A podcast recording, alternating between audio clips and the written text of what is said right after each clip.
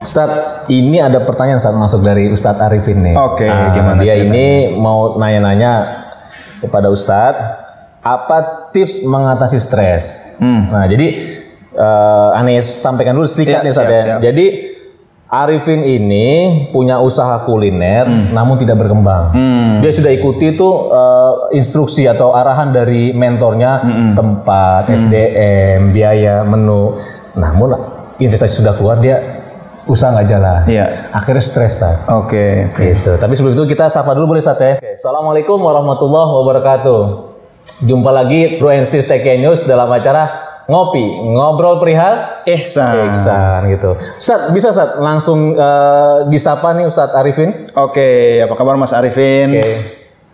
Oke, mudah-mudahan bisnisnya jadi maju ya. Amin, Insya Allah, amin, amin, Nah, Apa Sat, eh, tipsnya Ustadz? jadi begini, kita kalau bagaikan hidup ini bagaikan beli di tukang sayur. Beli apa tuh? Beli sayur ya? Beli sayur di tukang sayur yang gerobak itu. Oke. Tidak semua yang kita inginkan itu sudah pasti tersedia dan pasti kita dapatkan, belum tentu. Maka cara kita menghadapi hidup ini adalah ketika kita datang ke tukang sayur, Pak ada sayur nggak bang gitu. Oh eh, sayur apa? Sayur bayam nggak ada. Ya udah deh sayur asem deh. Nah begitu kan. Nah jadi harus sayur bayam, harus sayur bayam. Nah inilah yang membuat orang punya harapan dan ketika tidak tercapai harapan tersebut dia bisa stres. Pak ada ayam nggak bang? Oh nggak ada ayam. Ya udah deh adanya apa? Ikan. Ikan. Ya udah deh ikan deh. Nah begitu kan. Ayam dan ikan juga boleh ya? Ah, ayam dan ikan juga boleh gitu. Jadi kita boleh berusaha, tetapi jangan kita mengharuskan sebuah hasil. Jadi ada ikhtiar, ada akibat atau ada hasil, ada ikhtiar atau upaya. Nah, jadi kita berada pada pada ranah ikhtiar. Jangan kita mengharuskan sebuah hasil. Nah, maka kalau kita mengharuskan sebuah hasil, maka bisa jadi kita akan stres. Kalau hasilnya belum tentu sesuai Dengan harapan kita dengan ya? harapan kita. Nah, di dalam kitab eh, Al-Hikam ada sebuah kaidah min alamatil i'timadi 'alal amal nuqsanur roja inda wujudiz zalal. Hmm. Tanda-tanda orang bersandar pada amal Hmm. adalah dia menjadi berkurang pengharapan ketika ada tergelincir, ketika nggak sesuai dengan yang diharapkan. Jadi kita ikhtiar sebaik-baiknya itu bagus, Oke. itu harus, tetapi jangan bersandar pada ikhtiar. Oke. Ikhtiar perbaiki, tapi jangan bersandar pada ikhtiar. Nah, misalkan eh, untuk sukses dagang kuliner, lokasi harus bagus. Harus bagus. Ah, tapi menu a- ba- yang Menu resep variatif, variatif, yang asik. rasanya juga ini. Rasanya ini, ini tuh apa maksudnya? Ya itu. rasanya enak. rasanya enak maksudnya begitu ya dapat supplier yang murah maka marginnya tinggi oke tetapi be- berapa banyak juga yang lokasinya bagus tapi tidak berhasil dapat supplier yang murah tapi tidak berhasil juga nah supplier murah lokasi bagus menunya bagus masakan bagus itu adalah sebab dari akibat Akibatnya apa? Akibatnya berhasil. Sebabnya apa? Sebabnya lokasi yang bagus, sebabnya adalah eh, harga yang eh, terjangkau, menu yang enak, supplier yang murah. Ini adalah sebab. Tetapi sesungguhnya yang membuat sukses itu bukan sebab, Hmm. tetapi ada satu lagi. Kebab. Kebab kayaknya sih. Apa Eh, kita lagi, bukan. Yang ini ada akibat, akibah dalam bahasa Arab hasil. Oke. Eh, eh, lalu ada sebab. Sebab ini adalah yang eh, sebabnya lah ya. Tetapi ada satu lagi, musabbib yang menentukan sebab. Nah, Oke. Syekh Abdul Qadir berkata di dalam kitab Fathur Robani, betapa banyak orang mengetuk pintu sebab tetapi lupa datang kepada musabbib.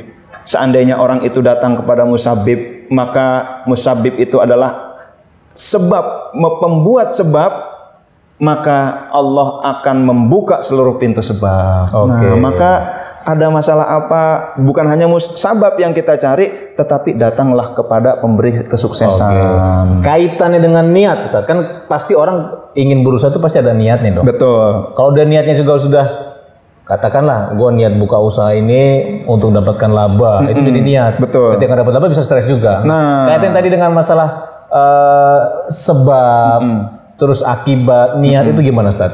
Iya. Jadi ketika kita eh, salah satu cara agar kita ini mengetuk pintu musabib adalah niatkan pekerjaan kita sesuai dengan apa yang diridhoi oleh musabib yaitu Allah. Oke. Maka ketika kita berdagang jangan hanya mencari keuntungan tetapi memberikan kebermanfaatan kepada orang lain, memberikan kemudahan kepada orang lain dan lain sebagainya. Oke. Nah, ini niatnya. Jadi ini salah satu cara mengetuk pintu musabib. Gitu. Maka pengersa Abah ketika ditanya, "Bah, saya dagang ini gimana caranya, Bah?" Zikir. Kenapa zikir? Zikir kita langsung straight, bukan fokus pada masalah, bukan fokus pada solusi, tapi fokuslah kepada penentu solusi. Allah Subhanahu wa taala. Nah, itu. Tapi bisa dikatakan ini juga, Ustaz. Oke lah, dia niat bagus, oke, dia mengetuk pintu apa tadi, mu Musabib. musabib gitu kan. Pembuat sebab. Ah, tapi dia ikhtiarnya kurang. Nah, Apakah itu diboleh boleh juga gitu hal-hal seperti itu? ikhtiar harus maksimal tapi jangan bersandar bahwa Nah. ikhtiar inilah penentu. Contoh gini, ada orang eh, ada seorang ahli ibadah. Hmm. Dia sakit lalu dia berdoa kepada Allah ya Allah, aku sakit ini, obatnya apa? Lalu Allah kasih nih obatnya daun ini, lalu dia makan. Lama dia tidak sakit-sakit yang sama, lalu tiba-tiba sakit lagi dengan sakit yang sama. Dia ingat dulu waktu sakit ini saya makan Obatnya ini. obatnya ini, daun ini. Langsung dia makan daun ini. Dia berkeyakinan bahwa dialah yang penentu kesembuhan adalah daun ini. Akhirnya dia makan. Pas makan bukannya sembuh malah makin parah. Hmm. Lalu akhirnya dia bertanya kepada Allah, "Ya Allah, dulu aku makan daun ini sembuh. Sekarang makan daun ini kenapa nggak sembuh? Padahal sakitnya sama." Allah menjawab, "Dulu kamu makan daun itu dan kamu meminta kesembuhan kepadaku, musabib." Nah, tetapi sekarang engkau makan daun itu, kamu berkeyakinan bahwa daun itulah yang menyembuhkan.